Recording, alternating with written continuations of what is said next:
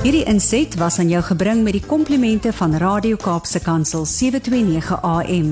Besoek ons gerus by www.cape pulpit.co.za.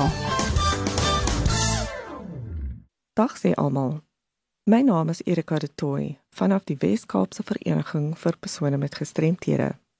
Ek is 'n kollega van Fanie de Tooy en sal voortaan hierdie gesprekke behartig. Verlede week het ons gesels oor die voorkoming van gehoorverlies. Maar hoe weet 'n mens jy het gehoorverlies? Daar word gesê dat die vinnigste manier om dit uit te vind is omdat almal dit vir jou sê.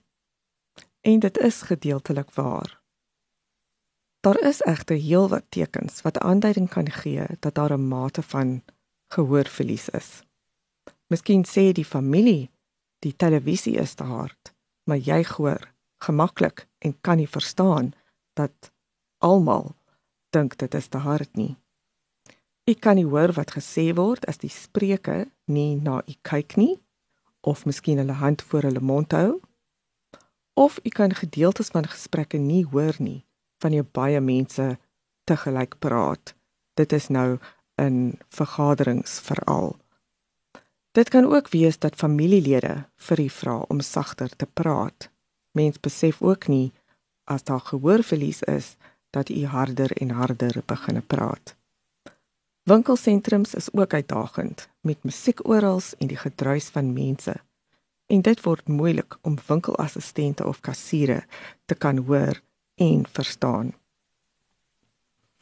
Al hierdie voorbeelde kan 'n aanduiding van gehoorverlies wees. Maar wat nou? Wat kan 'n mens doen?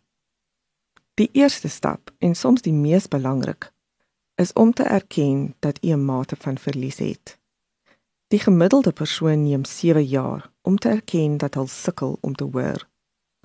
Maar hoe langer u wag om iets daaraan te doen, hoe minder word die kans van sukses. En met erkenning kom die wil om aktief op te tree, om hulp te kry en die situasie aan te spreek. Dis 'n goeie idee om eers u oorkanaal deur 'n geregistreerde en gekwalifiseerde gesondheidskundige te laat skoonmaak. Let wel asseblief, 'n gewone algemene praktisyn kan nie jou gehoor toets nie, maar van hulle kan wel u oorkanaal skoonmaak. Daarna moet u u gehoor laat toets by 'n audioloog. Hierdie toets behels luister na klanke van verskillende frekwensies en volumes eers elke oor apart en dan tesame. Die resultate van hierdie toets word op 'n audiogram aangedui wat presies wys of daar gehoorverlies is en op watter frekwensies.